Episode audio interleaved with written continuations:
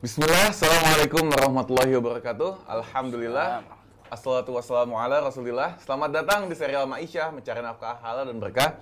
Episode 9 kembali bersama Ana Rezi dan juga bareng Ustadz kita, Ustadz Ali Hasan Bawazir Habizahullah Ta'ala. Ustadz, sehat Ustadz? Alhamdulillah sehat. Insya Allah. sehat. Alhamdulillah Ustadz, sehat Ustadz. Alhamdulillah. Masya Ustadz makin tampak makin muda ya Ustadz.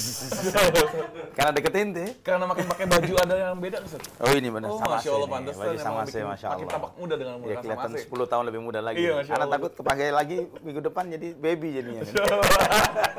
Tapi Ustadz, semoga untuk keluarga dalam lindungan Allah ya Ustadz. Allah barik. Allah, amin.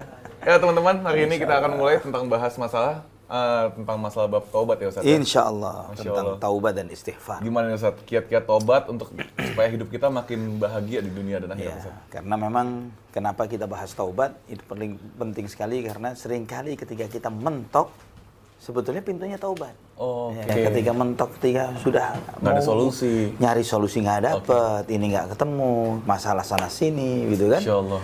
Ya coba deh perbaiki hubungan dengan Wah Allah ini itu dengan bakal, taubat. bakal Insya ilmu Allah. pusat dari daging semua soal masalah Ya, dunia Ustaz ya. semoga, semoga. Oke teman-teman, sebelum kita mulai kajian ini ada informasi juga kalau Jakarta Mengaji lagi buka donasi upgrade peralatan untuk dakwah.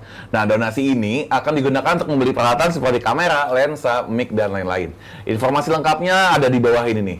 Nih akan dimunculkan sama admin. Mana admin? Posisinya. Nih, pokoknya di bawah ini ada QR code-nya, jadi teman-teman bisa langsung screenshot aja atau lihat Instagram di Jakarta Mengaji. Screenshot nih ya, ini ada scan-nya tinggal transfer ke rekening Jakarta Mengaji. Nah, teman-teman, hari ini di ujung sesi kajian ada hadiah saat lagi sesi kuis, ya. Dari teman-teman yang semua udah berpartisipasi nih, Masya Allah. Nah, tiga hadiahnya ini, ada pertama ada home dress dari Ifah Daily Wear. Seperti biasa nih langganan kita, dress baju haram, Ustaz Wah, keren. baju haram dipakai keluar baju dinas istri untuk suami supaya baju anti pelakor kata mereka Ustaz. Anti pelakor. anti ya? pelakor Allah. nah kedua ada buku buku Riyadhus Shalihin beserta tote bagnya Masya Allah dari Imam Na Imam Nawawi rahimahullah dan ketiga ada dari Diona tapi Diona ini kali ini bukan produk Ustaz Gitu ya. karena kita lagi mempersiapkan premium membership nama Ustaz. Jadi kita kasih akses untuk para calon reseller dan reseller. Mereka bisa belajar tentang bisnis online, tentang branding, marketing. Mereka bisa belajar gratis dari situ Ustaz. Anda bisa belajar juga sih. Oh bisa Seth, nanti kita kasih akses Seth. Iya teman-teman nanti dapat hadiah premium membership dari Deona, Insya Allah Ta'ala. Masya Allah, Masya Allah. Tapi Malam ini kita akan bahas judulnya tentang taubat ya Ustaz. Insyaallah. Tafadhol Mas Kul Ustaz. Barakallahu fiik. Bismillahirrahmanirrahim. Assalamualaikum warahmatullahi wabarakatuh. Waalaikumsalam. Alhamdulillah rabbil alamin wassalatu wassalamu ala asyrafil anbiya'i wal mursalin nabiyina Muhammadin wa ala alihi wa sahbihi wa tabi'in wa man tabi'ahum bi ihsanin ila yaumiddin. Amma ba'd. قال الله جل وعلا يا أيها الذين آمنوا taqullaha haqqa حق تقاته ولا tamutunna إلا وأنتم مسلمون. Saudaraku fillah rahimani wa rahimakumullah. Alhamdulillah segala puji bagi Allah Subhanahu wa taala yang dengan limpahan rahmat dan kasih sayangnya Allah Subhanahu wa taala perkenankan kita untuk eh, melanjutkan kajian kita di malam hari ini walaupun lebih malam dari semestinya nih. Iya Ustaz. Jam 9 kita mulai 9 lebih Masya Allah Tapi sebagai informasi juga buat antum semua ikhwat iman ini Buat anak kajian yang keempat hari ini Masya, Masya Allah. Ini subhanallah Jazakallah khair, Ustaz. walillahilhamdu wal Masya minnah Allah. Tertundanya adalah karena tadi Maghrib Isya Ana masih ada kajian di Jati Bening tadi Jati ya? Bening, Ustaz. Ya, sekitar Jati Jati Bening Kajian tafsir memang rutin yang tidak mungkin bisa Ana tinggalkan Kasihan jamaah, jamaah yang menunggu di sana Walillahilhamd eh, Allah subhanahu wa ta'ala masih memberikan kesempatan bagi kita Untuk melanjutkan pembahasan kita dari kajian Ma'isyah ini Ikhwatal iman rahimani wa rahimakumullah pada kesempatan ini kita akan membicarakan tentang taubat dan istighfar. Kenapa pembahasan ini penting bagi kita? Karena setiap kita, mau dia namanya pengusaha, eh, secara umum, manusia bahkan secara umum, ketika mereka tidak menemukan lagi suatu jalan yang harus ditempuh, tidak nemu jalan untuk dibuka, pintu yang harus dimasuki untuk dia keluar dari semua masalah yang sedang dihadapinya. Dan bahkan ketika dia merasakan bahwa masalah itu tiap hari bertambah, tiap hari bertambah, tiap hari menumpuk.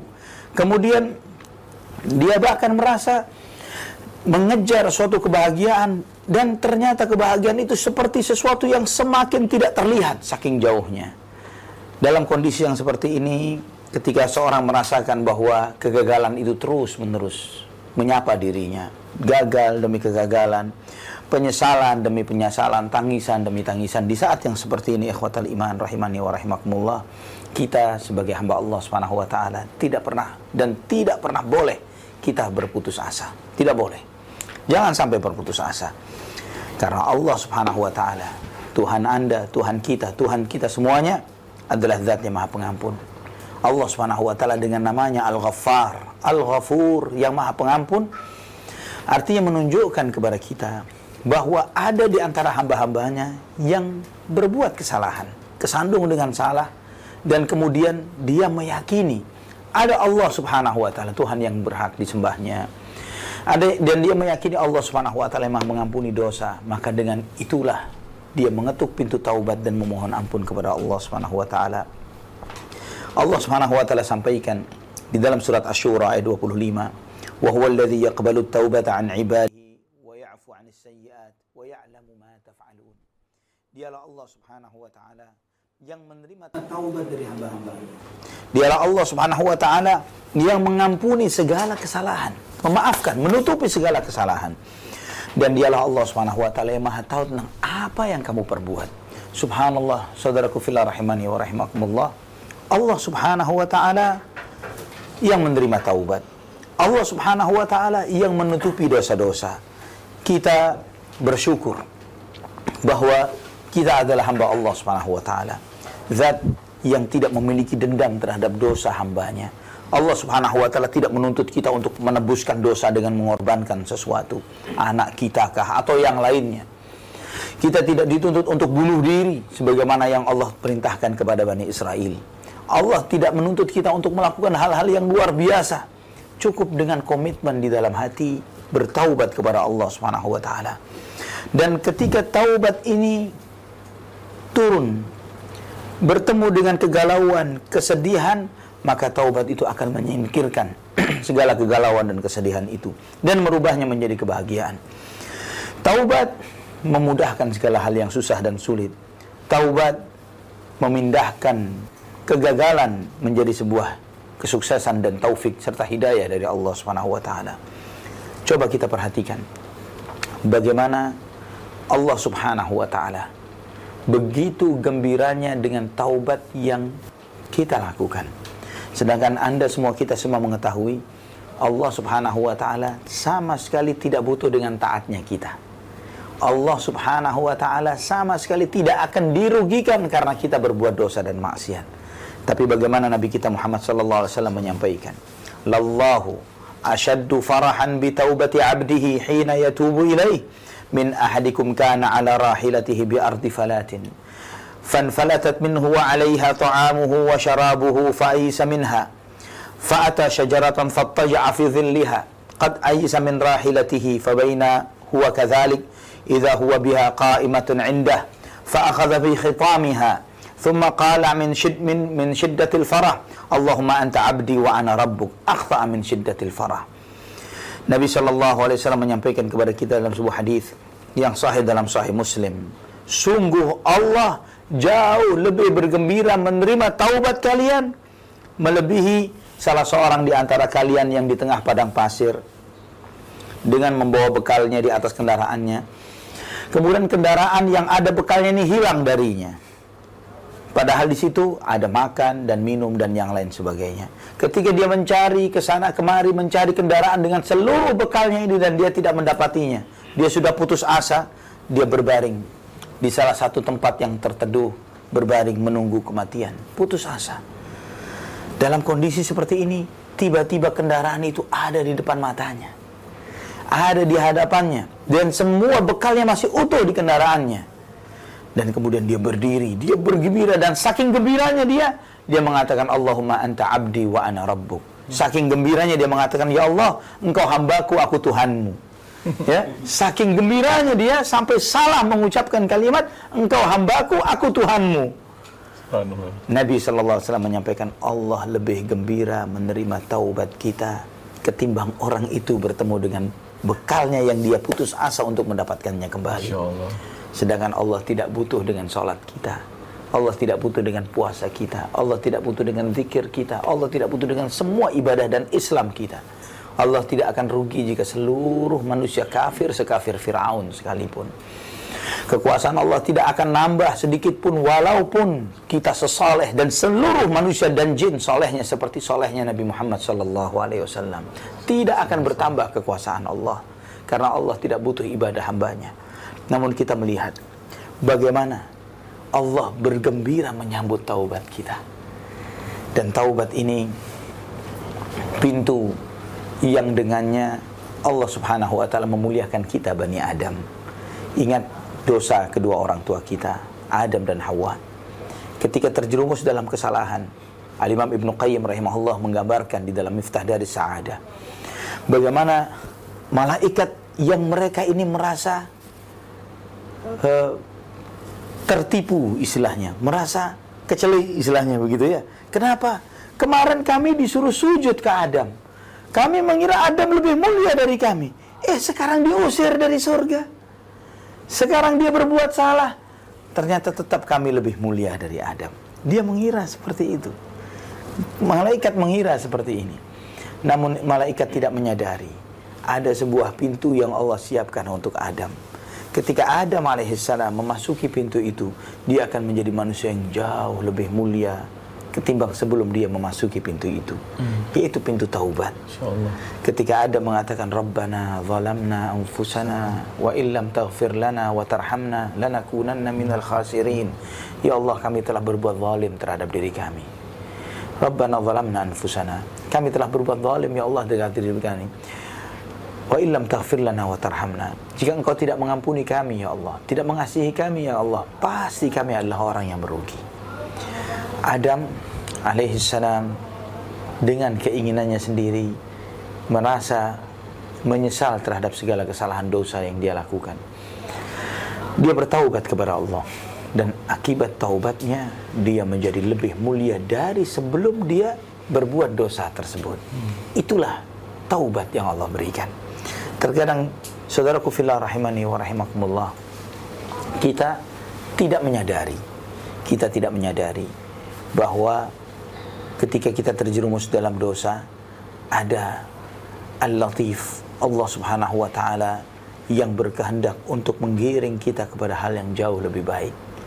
Mungkin dengan terjerumusnya kita dalam suatu dosa, kita merasa begitu najis, begitu kotor, begitu hina, begitu tidak bernilainya diri kita. Namun ketika kita mencoba membuka pintu taubat, bertaubat kepada Allah Subhanahu wa taala, maka Allah muliakan kita menjadi jauh lebih mulia dari sebelum kita terjerumus dosa tersebut. Ini sesuatu yang harus disyukuri. Taubat akan membuat seseorang hidup baru. Akan menjadi seseorang itu terlahir kembali. Berapa kali dia harus taubat dalam hidupnya? Berapa kali dia tersandung dan terjerumus dalam dosa?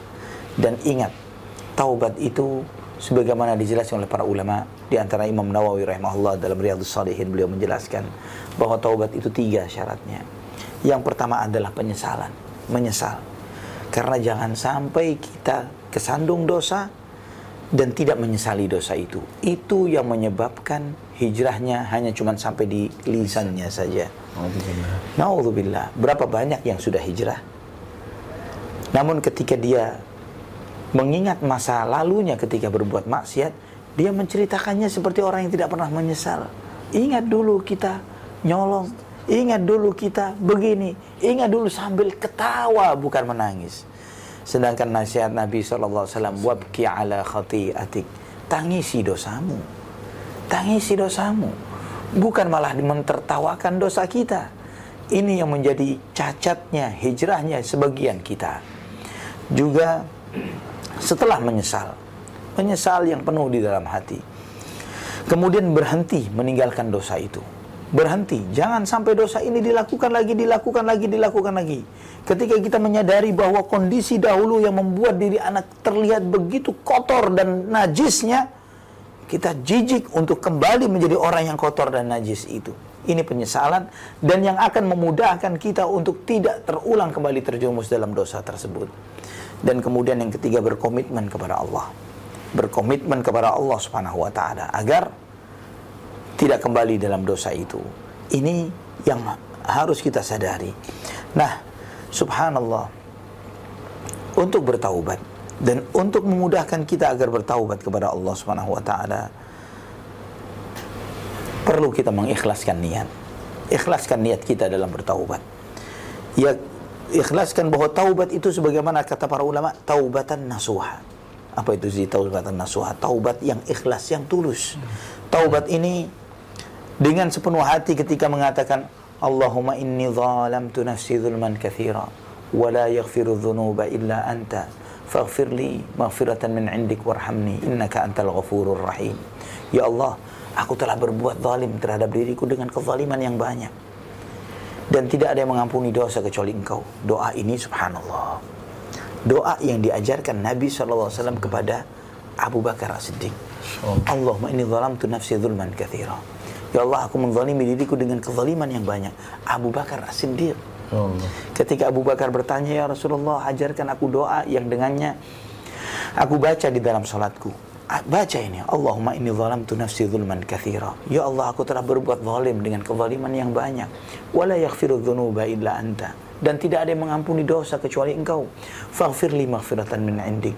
Ampunilah aku ya Allah dengan ampunan yang ada dari sisimu. Warhamni. Dan kasihilah aku ya Allah. Innaka antal ghafurur rahim. Engkau maha sesungguhnya engkau maha pengampun dan maha penyayang Abu Bakar As-Siddiq dengan segala kemuliaannya, dengan segala jasa hebatnya di dalam Islam. Nabi SAW mengajarkan kepada beliau untuk bertaubat kepada Allah. Meminta ampun, beristighfar. Bagaimana dengan kita? Maka kita jaga setelah kita komitmen ikhlas. Kemudian kemudian yang kedua, perbanyak taubat, istighfar. Perbanyak lisan kita dengan istighfar. Ketika semua pintu serasa tertutup, tidak tidak ada yang bisa kita buka. Bar, berbanyak istighfar. Basahi lisan kita dengan astagfirullahaladzim wa atubu ilaih. Astagfirullah, astagfirullah, astagfirullah. Perbanyak mengucapkan istighfar. Berapa kali? 100, 200, terserah. Sebanyak mungkin sampai Allah menghilangkan kegalauan dalam hati, menggantikannya dengan kebahagiaan dan membukakan pintu-pintu rahmatnya, membukakan pintu-pintu kemudahan. Kemudian agar komitmen taubat ini terjaga maka kita harus tahu bahwa setan itu bermain dengan waktu yang kita jalani. Hmm. Setan itu bermain dengan waktu yang kita jalani. Maka ketika setan melihat kita nganggur, do nothing, tidak melakukan sesuatu, setan masuk. Kenapa kamu nggak memikirkan yang kemarin? Kenapa tidak melakukan yang ini dan itu? Bukankah asyik? Ingat nggak asyiknya kemarin? Nah, maksudnya perbuatan dosa yang kemarin-kemarin? Ya, dipa- dibayangkan keindahannya oh, oleh syaitan. dosa-dosa yang pernah dilakukan. Mm -mm. Oh, Nah, ketika syaitan masuk dengan posisi yang seperti itu, maka bagaimana cara kita manfaatkan waktu dengan sebaik-baiknya? Ambil langkah-langkah positif, baca buku, dengarkan kajian secara online misalnya, ya, baca buku, olahraga, hal-hal yang positif untuk diri kita membantu orang, menjenguk orang sakit, silaturahim, apa pun hal positif yang bisa dilakukan. Hal positif yang bisa dilakukan saat itu. Sibukkan waktu dengan semaksimal mungkin. Jangan biarkan diri kita nganggur do nothing. Apalagi kalau sudah tertahan oleh gadget. Hmm. Ya, apalagi sudah tertawan oleh gadget ketika kita sudah pegang gadget kita belok sana belok sini buka ini Benar, buka itu. Gadget ini berat kayak udah menyihir ya, gitu tersihir kita. mata sehingga kayak tiba-tiba udah sejam di gadget. Masya Allah. Ya. Terasa waktu itu habis dengan begitu saja iya. dan kita tidak mendapatkan maslahat sama sekali. Kemudian di antara kiat agar komitmen istif taubat dan istighfar kita tetap terjaga bersihkan diri kita lingkungan kita dari teman-teman yang mengajak kepada keburukan. Ini syarat mutlak, tidak bisa ditawar. Teman yang ketika kita dengar dekat dengannya memberikan bayangan indahnya dosa dan maksiat, teman yang ketika kita dekat dengannya membuat kita langsung kulakan dosa, ya duduk sebentar riba A, B, C dan sebagainya, fitnah ini, adu domba itu, sudah teman ini delkon, hapus sudah, ya ketemu dengan mereka ketemu basa-basi. Ya ya ya saya mau ke sana. Sebentar maaf. Assalamualaikum waalaikumsalam. Ya sudah. Harus kita men-screening menyaring dengan siapa kita berteman. Pilih mereka-mereka yang ketika kita dengar dengannya membuat kita takut kepada Allah. Lebih baik, lebih baik kita punya banyak teman yang membuat ketika kita duduk dengan mereka sekarang di dunia membuat kita takut kepada Allah dan tapi nantinya kita merasa aman ketika kita pulang kepada Allah ketimbang kita punya banyak teman yang membuat kita tenang, membuat kita santai, membuat kita happy-happy dengan dosa, tidak merasa takut dengan Allah, tapi akhirnya nanti mereka membuat kita sangat ketakutan ketika kita pulang kepada Allah. Nauzubillah. Nah, juga di antara kiatnya ketahuilah innal hasanat yudhibna sayyiat. Bahwa kebaikan itu melebur dosa-dosa. Maka dari situ ketika kita mengingat masa kelam dahulu mulai hari ini buat program penambahan amal soleh. Apa yang belum pernah dilakukan? Sedekah? Belum pernah sedekah? Coba mulai besok anak sedekah walaupun 2000 rupiah harus ada orang yang Anda beri walaupun cuma 2000 rupiah per hari. Misalnya seperti itu. Mulai malam ini apa yang bisa dilakukan? Sebelum tidur setidaknya ambil air wudhu. Misalnya, kalau biasanya tidur asal tidur, sekarang wudhu dulu baru baru tidur. Syukur-syukur bisa ditambah dengan sholat sunnah witir misalnya. Hal-hal kecil namun bertambah secara bertahap ini yang menjadi programnya orang yang berkomitmen benar untuk taubat kepada Allah. Begitu sih. Singkat materinya seperti Masya Allah, Ustaz. Mungkin ada juga pertanyaan dari sebagian pihak, Ustaz. Nah. Udah terlalu banyak dosa-dosa yang dilakuin, dosa-dosa semua yang besar-besar tuh udah dilakuin semua. Sehingga dia mungkin ada merasa, duh malu di dalam Allah nih, mau taubat udah sehina ini. Gimana Ustaz nasihat Ustaz? Tidak ada dosa besar jika dihadapkan dengan taubat tidak ada dosa besar jika dihadapkan dengan taubat. Karena Inna Allah yaghfiru dhunuba jami'a. Allah mengampuni semua dosa. Ketika kita taubat, nggak ada dosa besar. Di antara apa yang pernah disampaikan oleh Imam Syafi'i rahimahullah, beliau mengatakan ta'azamani dhanbi falamma qarantuhu bi'afwika kana 'affuka a'zama. Ya Allah, begitu besarnya dosa-dosaku namun ketika aku bandingkan dosaku ini dengan ampunanmu ya Allah, ampunanmu jauh lebih besar lagi. Ini yang harus diyakini. Hmm. Jadi ketika kita merasa najis dan kotor, Allah Subhanahu wa taala Tuhannya segala sesuatu. Tuhannya orang-orang yang taat dan beriman kepadanya dan Tuhannya mereka-mereka yang berlumuran dosa. Ya, Qul li ibadiyalladzina asrafu ala anfusihim la taqnatu min rahmatillah. Sampaikanlah kepada hamba-hambaku yang mereka telah melampaui batas dengan dirinya. Yang dipanggil oleh Allah dalam ayat ini siapa? Para orang-orang yang berlumuran dosa. Karena siapa lagi Tuhan kita? Kalau bukan Allah Subhanahu wa taala. Siapa lagi yang kita akan ketuk pintunya yang kita mintakan ampunannya jika bukan Allah Subhanahu wa taala?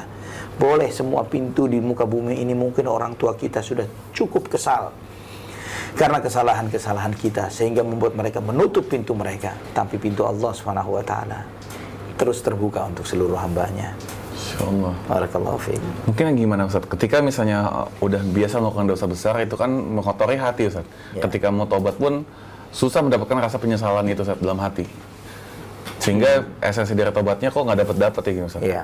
Gimana Ustaz? Jadi ketika seseorang ini meremehkan dosa, ya ketika dia meremehkan dosa sehingga tidak menyesal pun enggak. Mungkin dia ya. uh, pengen tobat karena dia ada merasa hati kotor atau hati nggak tenang Ustaz. Iya. Dan dia mungkin udah tahu ilmu juga dengan taubat ketika dia pengen bertobat silakan Ustaz. Ketika dia mau bertobat tapi hatinya itu malah nggak tegak untuk kayak ada perasaan kok nggak dapat feelnya untuk ketika mau taubat itu gimana sih? Ketika dia merasa bahwa belum dapat feelnya untuk taubat kepada Allah Subhanahu iya. wa taala, ada beberapa kiat. Ada sebuah riwayat yang disebutkan oleh Abdul Ghani Al-Maqdisi rahimahullah dalam kitab beliau At-Tawwabin. Beliau menyampaikan sebuah kisah Ibrahim bin Adham rahimahullah. Hmm. Yang Ibrahim bin Adham rahimahullah ini bertemu dengan seseorang dan mengatakan, uh, kalau tidak salah kunyah beliau Abu Yahya. Ya Abu Yahya. Saya ini berlumuran dosa banyak maksiat. Tapi saya susah tobat saya ini susah untuk bertaubat kepada Allah. Tolong nasihatin saya. Beri saya kiat-kiat yang dengannya saya insya Allah mudah bertaubat kepada Allah Subhanahu wa taala. Beri nasihat saya yang melecut hatiku. Maka kata Ibrahim bin Adham rahimahullah beliau mengatakan begini. Mudah saja. Tolong jawab kepadaku lima pertanyaan ini. Jika kamu sudah bisa jawab, lakukan dosa semaumu. Lakukan dosa semaumu. Apa itu? Yang pertama, jika kamu pengen berbuat dosa, masih niat untuk maksiat, jangan pernah makan dari rizkinya Allah taala. Jangan makan rizkinya Allah. Waduh, kaget nih orang. Jangan makan rizkinya Allah. Dari mana saya akan makan? Dari mana saya akan hidup? Semua yang di langit dan di bumi dari rizkinya Allah. Kemudian kata Ibrahim bin Adham rahimahullah, kamu makan dari rizkinya, tapi kamu masih maksiat kepadanya. Apakah pantas seperti itu? Iya, Ustaz. Iya kan? Malu justru. Iya. Malu harusnya. Apa kamu tidak malu? Rizkinya kamu makan, tapi kamu berbuat dosa. Kemudian yang kedua, apa yang kedua? Saya nggak sanggup udah yang pertama, kata beliau. Kata orang yang bertanya. Yang kedua, jika kamu masih pengen berbuat dosa, padahal kamu sudah makan dari rizkinya, sudah deh. Cari tempat yang bukan dia yang menciptakan, bukan ciptaan Allah. Cari tempat lain yang bukan ciptaan Allah Subhanahu wa taala. Ini lebih berat lagi dari sebelumnya. Nggak ada celah. Langit dan bumi, timur dan barat ciptaan Allah Subhanahu wa taala. Di mana saya akan berbuat dosa? Kamu makan dari rezekinya. Kamu tinggal di tempat yang diciptakannya dan kamu masih berbuat dosa terhadapnya. Mana malumu? Mana rasa malumu kepada Allah Subhanahu wa taala? Kemudian apa yang ketiga? Yang ketiga, kalau kamu sudah makan dari rizkinya, kamu tinggal di tempat yang diciptakan olehnya, sudah deh. Kalau ingin berbuat dosa, sudah terlanjur makan rizkinya Allah, tinggal di buminya Allah, sudahlah. Setidaknya berbuatlah dosa yang dia nggak lihat. Ya, berbuatlah maksiat yang Allah nggak lihat kamu. Setidaknya seperti itu deh. Untuk setidaknya kamu bisa menutupi rasa malumu dengan itu. Cari tempat yang Allah nggak lihat. Gimana gitu? Nggak mungkin. Ini baru tiga nih. Iya. Baru tiga nyerah semuanya subhanallah orang ini bagaimana kita bisa lari dari Allah sedangkan Allah melihat kita dalam segala kondisi kita kemudian yang keempat apa yang keempat kata Ibrahim bin Adham kamu sudah makan dari rizkinya kamu tinggal di tempat yang diciptakannya. Kamu masih berbuat maksiat dan dia melihatmu ketika kamu berbuat dosa itu. Sepantas itukah kamu? Ya kamu berbuat maksiat dia lihat loh. Kamu makan rezekinya. Kamu tinggal di, di negeri di bumi yang diciptakannya. Tidak malu? Allahu Akbar. Hah? setelah itu apa yang keempat? Yang keempat kalau nanti kamu sedang maksiat eh tiba-tiba. Itu adalah waktu ajalmu tiba. Malakul maut datang menjemput. Sampaikan kepada malakul maut jangan sekarang malakul maut. Nanti saja balik setelah saya sadar dan taubat. Kalau hati ini sudah dapat feel-nya untuk hijrah untuk feel dapat feel-nya untuk taubat di saat itulah tolong jemput saya. Jangan sekarang. Kata orang itu ya Ibrahim bagaimana bisa? Siapa yang malakul malakul maut malaikat pencabut nyawa tidak akan melepaskanku. Tidak akan bisa menerima permintaanku ini kata beliau kata Ibrahim bin Adham. Kemudian apa alasanmu untuk memudahkan dirimu untuk berbuat maksiat? Jika demikian terus apa lagi? Apa lagi? Yang kelima. Yang kelima jika nanti malaikat zabaniyah malaikat azab menyeretmu untuk melemparkan ke neraka neraka jahanam jangan mau lawan Subhanallah. tolak Bagaimana melawan malaikat maut, malaikat zabaniyah, malaikat azab? Jangan mau. Katakan, saya nggak mau ikut dengan kamu. Orang itu subhanallah. Dia mengatakan, Cukup ya Ibrahim bin Adham, cukup. Astaghfirullah wa atubu. Aku beristighfar kepada Allah, aku bertaubat kepadanya. Kalau kita pikirkan nasihat ini, ini luar biasa. Ya. Mengajarkan kepada kita jangan sampai kita mengentengkan taubat dan istighfar, mengentengkan untuk meminta ampun kepada Allah dari dosa-dosa kita yang kita tahu bahwa kita makan dari rizkinya, kita hidup di bumi yang diciptakannya, kita selalu dilihat olehnya, kita tidak bisa menolak ajal yang datang sewaktu-waktu, dan kita tidak akan mungkin melawan malaikat-malaikat Allah, malaikat azab dan yang lainnya. Ini salah satu bentuk tafakur kita. Memikirkan apa? Memikirkan Allah sudah begitu baiknya ke kita. Sudah begitu baiknya rizki dikasih, tempat tinggal dikasih, segala nikmat yang ada pada kita. Semuanya dari Allah, kata Imam Ibn Qayyim rahimahullah dalam Uddatus Sabirin. Beliau menyampaikan, hanya orang hina dan rendah saja yang membalas kebaikan dengan keburukan. Orang hina dan rendah. Kita sudah Allah, malaikat Allah turun membawa rahmat untuk kita eh malaikat catatan amal yang naik ke, dari bawah ke, dari kita ke atas adalah catatan dosa semua. Eh? Hanya orang hina dan rendah, orang terhormat tidak akan melakukan hal ini. Orang terhormat akan membalas kebaikan dengan kebaikan. Wallahu a'lam bishawab. Insya Allah, Ustaz. Dibikin merinding, Ustaz. Insya Allah. Allah Ustaz. Insya Allah. Anda kata, Anda nggak tahu oh, kata-kata lagi Ustaz, Masya Allah Ustaz. Masya Allah. Dia benar harus malu di hadapan Allah Ustaz ya. Iya benar. Allah udah masih banyak kebaikan. Ustaz. Eh, dengan segala ihsannya Allah, malah kita berbuat dosa dan maksiat. Tidak pantas. Insya Allah. Musta'an. Insya Allah Ustaz. Jazakumullah khairan Wa jazakumullah khairan. Jazakumullah khairan atas waktunya dan ilmunya Ustaz. Insya Allah. Tapi Ustaz kita bisa langsung mulai ke segmen selanjutnya Ustaz. Boleh. Tanya jawab. Ahlan wa sahlan. Silakan teman-teman yang mau tanya langsung di Instagram bisa langsung ketik aja via Instagram dan ada yang mau tanya lewat Clubhouse juga langsung rasain aja angkat tangan ya sambil kita nunggu nih sambil kita nunggu pertanyaan dari teman-teman ini ada beberapa informasi kalau hari ini ada sponsor yang support kajian kita hari ini Ustaz. Masya Masya Allah. Allah, Salah satunya baju yang lagi dipakai sama Ustadz nih. Masya Allah, sama sih.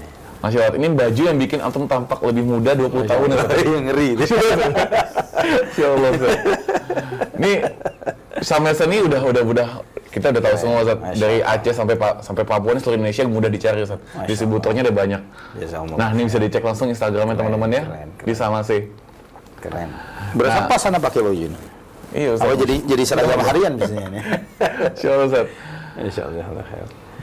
Nah, ini yang sama sini memang cocok banget kalau kita pakai ke mana-mana Ustaz ya. Untuk Ya. kajian, mau ke masjid sholat. Ya. Insya Allah dengan udah udah udah cukup untuk Ya. menghadap Allah dengan adab ya Ustaz. Benar. Dan juga alhamdulillah kan sekarang kan aurat, kajian kajian Kajian offline udah mulai buka, bener. Nah, Tuh datang ke masjid-masjid kita bisa pakai baju ini juga, Pas ke nih. kantor pun juga cocok.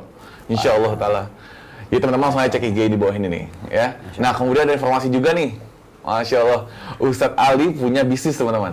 Ya, bisnisnya ini bukan cuma bisnis yang yang biasa-biasa, tapi bisnisnya jual rumah di daerah timur ini Jakarta. Masya Benar Ustadz ya, di daerah timur Jakarta Ustadz ya. Nah, nah. Ini namanya Gria Akoba dan spesialnya Gria Akoba ini bisa cash dan cicil tanpa riba. Dan juga cicilannya cuma 4 jutaan, benar Ustaz? Insya Allah. 4 juta mah harga kontrakan anak Ustaz.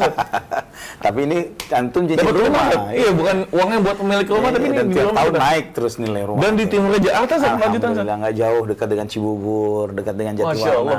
Jatiwarna. Kalau boleh tahu bocoran sedikit harganya berapa Ustaz total Ustaz? Mau yang paling murah itu nggak nyampe 400 juta malah. Nggak nyampe Ada 400 juta? Lagi promo yang lagi anak buat ini, promo untuk bulan Desember sampai tanggal 15 ini nggak nyampe 400 jutaan. Tuh teman-teman. Ini. Buat apa rumah tangga baru Ustaz yang masih Ah, muda, ya, ini Masya ini, Allah. Masya Allah. Oke, langsung aja kepoin teman-teman Instagram di bawah ini, at griakoba.id. Lagi di promo juga di akhir tahun ini. Nah, ya, akhir tahun ini lagi promo sampai sampai pertengahan. Desember nih, insya Allah. Masya Allah Ustaz. Ya, anak kasih promonya itu diskon DP.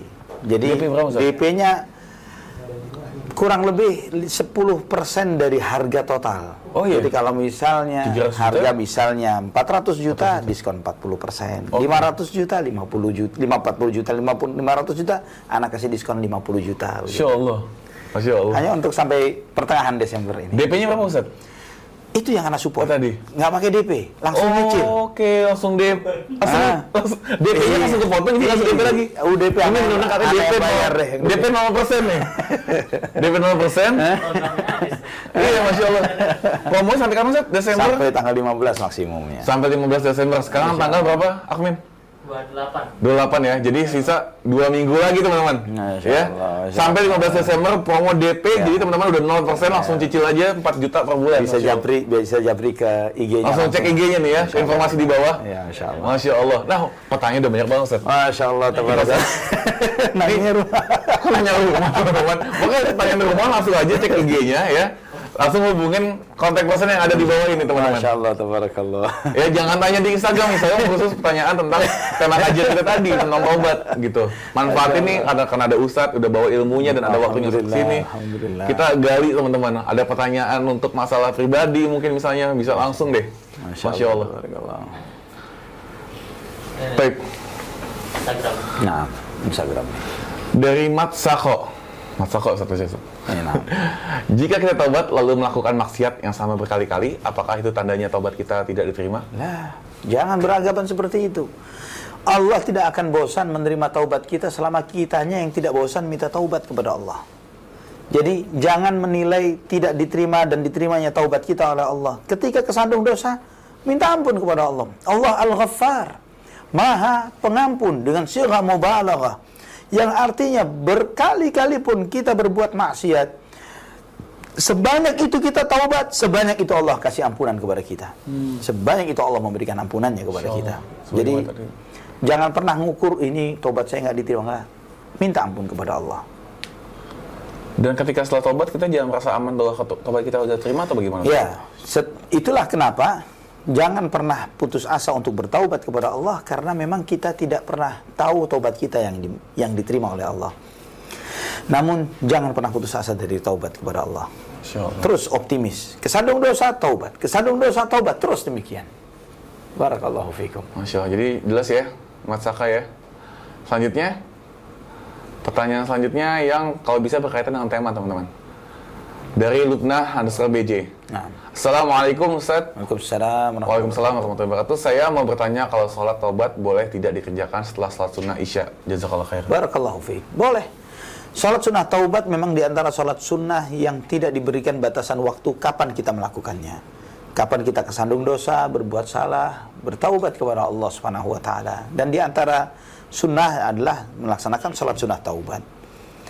Bertaubat dengan ambil air wudhu, kemudian sholat, dua rakaat, rakaat pertama setelah Al-Fatihah baca Qul ya ayyuhal kafirun, rakaat kedua baca Qul huwallahu ahad. Dan usahakan sekhusyuk mungkin di dalam melaksanakan sholat. Setelah itu ketika kita di dalam sholat ini kita benar-benar khusyuk, tidak memikirkan ke sana kemari, khusyuk dengan sholat kita, insya Allah dosa-dosa kita dimaafkan oleh Allah. Masya Allah. Diampuni dosa-dosa kita. Jadi nggak ada batasan waktu, hatta pada asar boleh. Ya, boleh. Kalau pada asar karena dosanya saat itu boleh. Oke. Kalau misalnya ketika itu salahnya dan kemudian ya Allah anak sa- salah nih. Anak harus taubat, anak harus sholat taubat. Ketika itu dia lakukan karena di situlah atau saat itu dia berbuat maksiat, boleh. Oh, Masya Allah. Jadi nggak ada batasan waktu ya Ustaz ya? Ya, nah. Baik. Kita sekarang balik lagi ke Clubhouse ya. Pertanyaan Clubhouse. Ini udah ada yang angkat tangan nih dari Hafiz ya. Dilan. Silakan. Assalamualaikum warahmatullahi wabarakatuh. Assalamualaikum warahmatullahi wabarakatuh Bismillah. Assalamualaikum Ustaz Ana mau nanya Nah, uh, mungkin nggak sih kita sebagai orang mukmin tuh setiap hari nggak nggak nggak ngelakuin dosa gitu kadang ada ada fase di mana kita nuntut ilmu gitu sehari sejam tapi kadang ada fase juga membuat jenuh gitu kadang ya nonton film eh nonton YouTube review gitu kadang ada musiknya ada segala macamnya gitu kan mungkin nggak sih kalau dalam sehari kita nggak ngelakuin dosa gitu ya. Barakallahu fiik. Mungkinkah kita dalam sehari tidak melakukan dosa? Wallahu a'lam bishawab. Anda tidak tahu itu.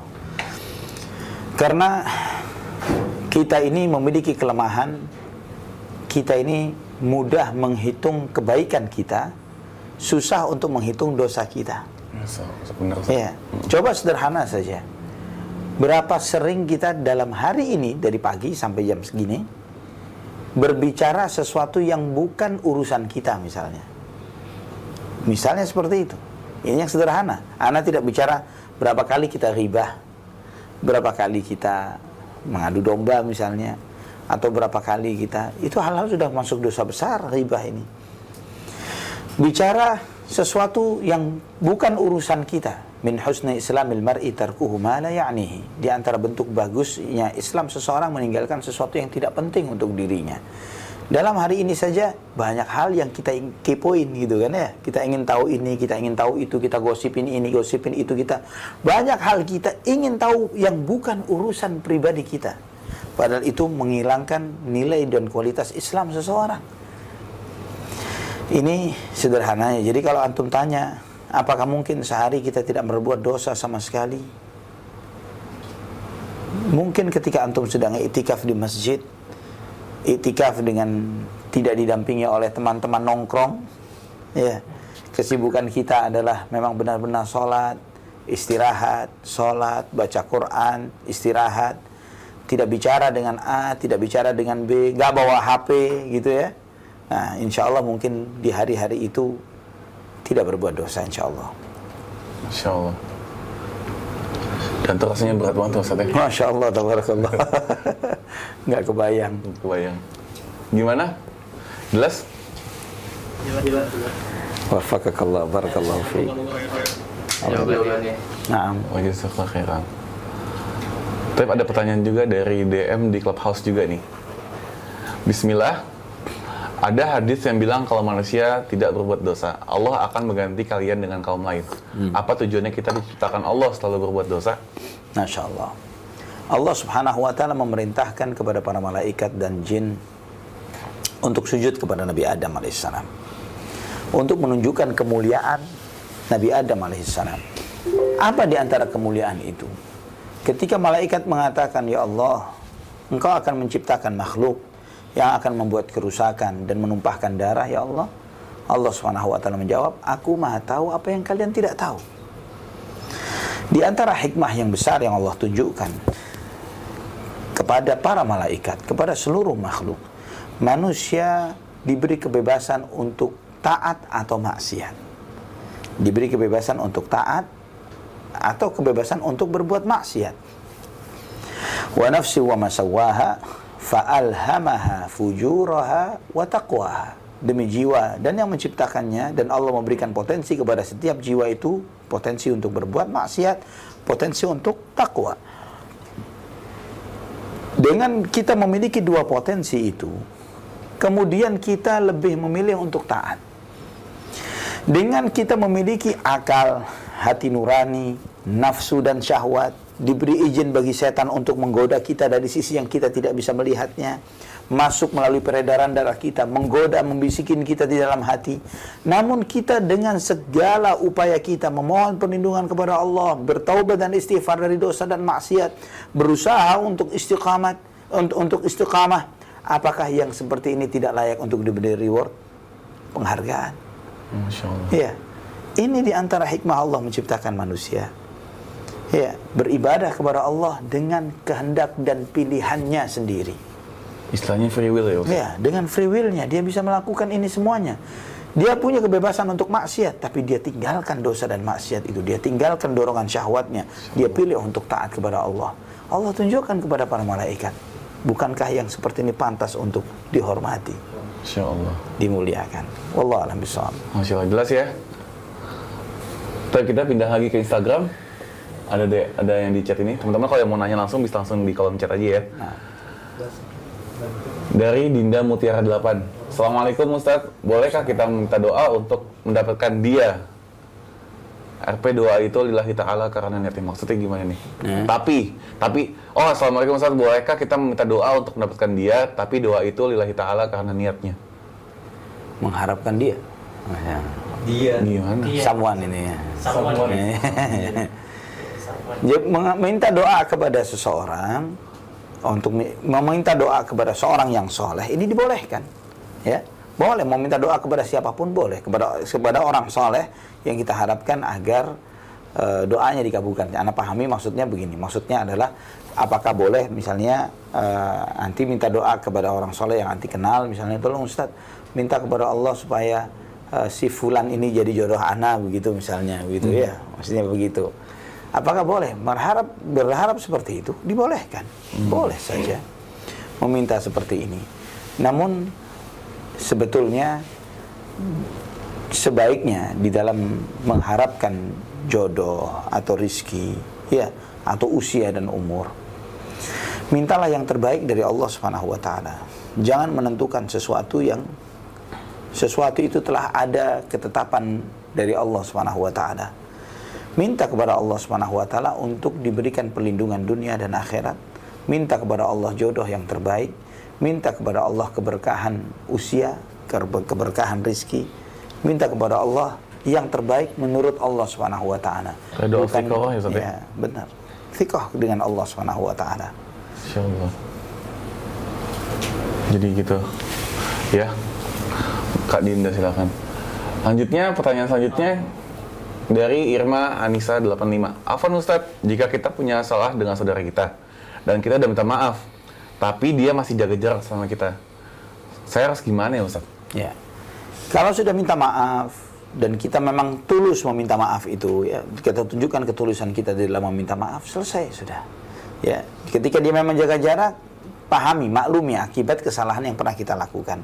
Ya pantaslah mungkin karena memang kesalahan men- kita menurut dia sebegitu besarnya mungkin bisa jadi dan kita memaklumi ke eh, sikap yang bersangkutan karena bisa jadi kesalahan yang sama dilakukan oleh orang lain terhadap kita bisa jadi kita malah tidak mau kenal dengan orang tersebut. Coba kita mengukurnya dengan diri kita. Kalau misalnya dia mas sampai bersikap seperti itu padahal kita sudah meminta maaf dan kita menunjukkan ketulusan, berikan kesempatan waktu baginya untuk memi- memikirkan untuk melanjutkan jarak atau menjaga jarak dengan kita. Wallah a'lam bishawab. Insya Allah. Jadi gitu ya. Masih ada waktu Ustadz? Mau kasih untuk pertanyaan? Ahlan wa sahlan. Silakan. Boleh, silahkan. Masya Allah. Dari Riko Adi, Assalamualaikum. Afwan Ustadz mau tanya setelah taubat nasuha, namun kita masih melakukan dosa. Bagaimana dengan hal tersebut? Mohon nasihatnya. Nah, sudah anda jawab tadi. Iya, udah dijawab. Ya, sudah anda jawab. Jangan pernah putus asa dari Pokoknya taubat, taubat, dosa lagi, taubat terus ya Ustadz. ya? Nah, jangan pernah putus asa dari taubat kepada Allah. Allah tidak akan pernah bosan selama kita tidak pernah bosan meminta ampun kepada Allah Subhanahu wa taala. Nah ini Ustaz, Ustaz, ada pertanyaan yang mewakili pertanyaan juga nih Ustaz. Dari Mas Saka, apa ciri taubat kita diterima sama Allah? Ustaz? Ciri taubat kita diterima di antaranya kita merasa jijik dengan status kita dahulu. Oh, Oke. Ya, itu di antaranya. Kita merasa jijik ya wa an yakraha an ya'uda fil kufr kama yakrahu an yuqdhafa fin nar. Dia benci untuk kembali kepada kekafiran sebagaimana bencinya dia kalau dilemparkan ke dalam api. Nah, ini di antara orang yang disebut oleh Nabi SAW yang merasakan manisnya iman.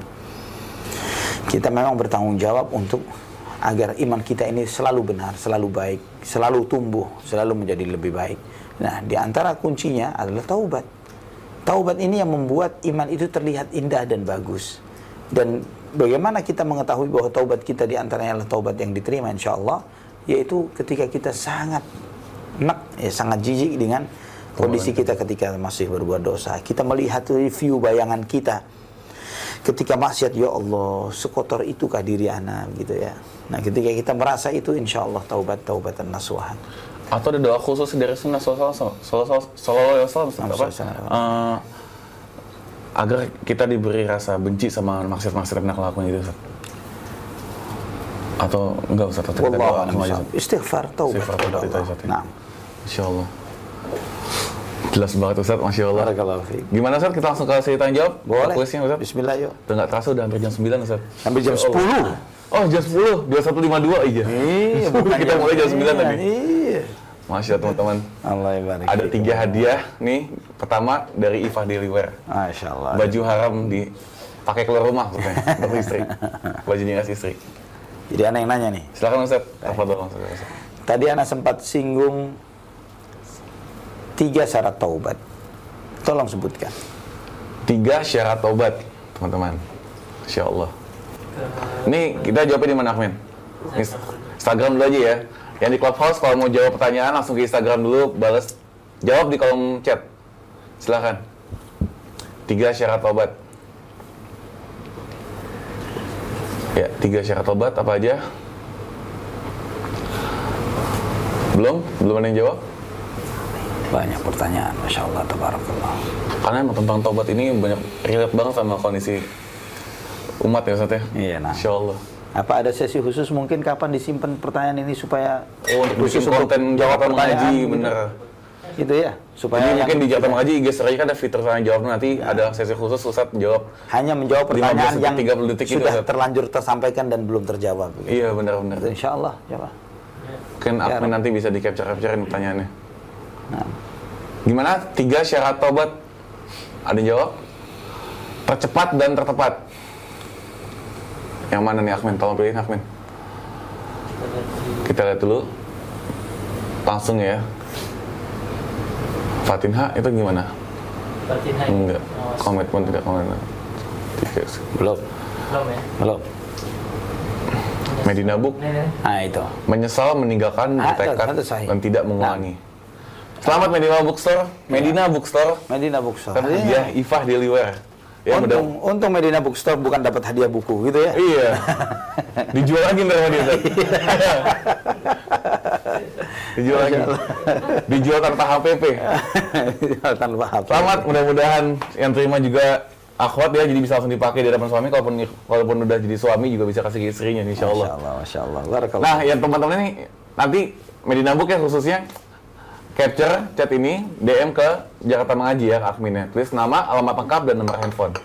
Allah barik fikum, Masya Allah. Kalau Fikom. Selanjutnya pertanyaan kedua Ustaz. Apa hadiahnya? Buku Riyadus Solihin dari Munawir. Buku Riyadus Ustaz. Salihin, Masya Allah. Insya Allah. Ini gimana Ustaz? Bukunya Ustaz? Tentang apa dan keutamaannya gimana Ustaz? Siapa umat Islam yang tidak kenal dengan atau tidak tahu buku Riyadus Salihin? Riyadus Salihin sesuai dengan namanya adalah tamannya orang-orang soleh. Masya Allah. Ya, ini tamannya orang-orang soleh. Yang memang benar ketika kita, subhanallah, antum jika memiliki buku ini, halaman berapapun yang kita buka, kita akan seperti disiram air yang begitu sejuk kepada diri kita. Semua hadis yang dikutip oleh Imam Nawawi. Imam Nawawi rahimahullah benar-benar memberikan kesejukan dan ketenangan dalam hati. Maka di antara yang sering juga dinasihatkan oleh para ulama untuk menjadikan membaca buku ini sebagai sebuah pembiasaan. Oh. Bahkan anak dorong kepada beberapa takmir masjid, bacakan ini kepada jamaah gitu ya. Bacakan kepada jamaah supaya memo- memotivasi mereka walaupun cuman sekedar membacakan terjemahannya saja. Ini untuk Riyadus Salihin. Nah, terkait dengan hadis kitab Riyadus Salihin. Masya Allah. Pertanyaannya mungkin gampang ya. Sebutkan hadis pertama dari kitab Riyadus Salihin. Hadis tentang apa? Oh, hadis Masya nomor satu. Allah. Tentang apa? Begitu aja deh. Biasanya ini di semua kitab hadisnya itu Ustaz ya? Ya, ya, ya Riyadus Salihin. Ah, Iya. dan ini Riyadus Solihin. Ya, Riyadus Salihin. Ah. Hah? Googling dulu, boleh lah silahkan googling dulu. Hadis pertama dari Riyadus Salihin. Nih, di, di mana? Di Clubhouse ya? Kamu Clubhouse ya? ya. Silakan. Hadis pertama Clubhouse dari di kitab Instagram ayo baca Salihin. Clubhouse, angkat tangan langsung. Ya, langsung diangkat Faza Anindita. Pertama kali tadi, angkat tangan. Masya Allah. Gimana? Oh, udah naikin Niko ini. Silakan Niko ya. Assalamualaikum warahmatullahi wabarakatuh. Assalamualaikum Hadis warahmatullahi pertama wabarakatuh. di buku Riyadus Solihin. Eh, keikhlasan dan menghadirkan niat eh, dalam segala. Hadisnya. Itu babnya ya. Oh hadisnya. Hadis pertama, yang anda tanya hadis pertama, bukan babnya, bukan judul babnya.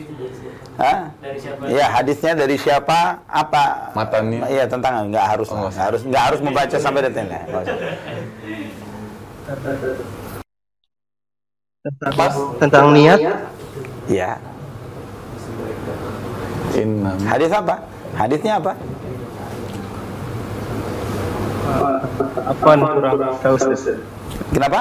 Kurang tahu. Ustaz. Kurang tahu. Oh, pas. Kita Ada. kita turun dulu ke audiens ya. Ya. Akmin, Ini iya. kan? turun dulu ke Itu- audiens Akmin. Itu bukan? Si siapa? Ini banyak yang jawab nih Ustaz. Banyak banget yang ngantri. Akmin, diturunin dulu Akmin. Silakan Akmin. Silakan Abu Sahil. Assalamualaikum warahmatullahi wabarakatuh. Pertanyaannya hadis pertama apa yang ada di buku Riyadus Hadis Solihin? Eh, baik. Hadisnya mengenai masalahnya. Ya, hadisnya apa? Bunyi hadisnya innamal a'malu binniyat wa innama likulli imri'in ma nawa. Barik fi. Kalau antum sudah punya bukunya, sudah buatan aja bukunya. Udah punya belum bukunya? Abu? Udah punya? ya, sudah bisa jawab, ya kan? Kalau nggak ngeliat ke bukunya gimana coba? Barakallah. Allah Selamat, Om saya silakan di screenshot Masya eh, kolom clubhouse ini. Nanti di DM ke admin Instagramnya Jakarta Mengaji, tulis nama, alamat lengkap, dan nomor handphone. Nanti insya Allah antum dapetin bukunya beserta tote bag-nya. Nah. Barakallahu Fik. Jazakallah khairan. DM Instagram ya. Allah barik fik. DM ke Instagram ya, bukan di clubhouse ya. Jakarta Mengaji. Jazakumullah khair. Saat akhirnya datang juga hadiah ketiga, Ustaz. Dari hadiah dari Diona Essentials, Ustaz. Dia nak ya? Ini kali ini hadiahnya bukan produk, Ustaz, tapi Ya, premium membership yang isinya bisa akses untuk e-course belajar bisnis online. Nah, Dan ntar nanti akan bisa jadi reseller Diona, Ustaz. taib.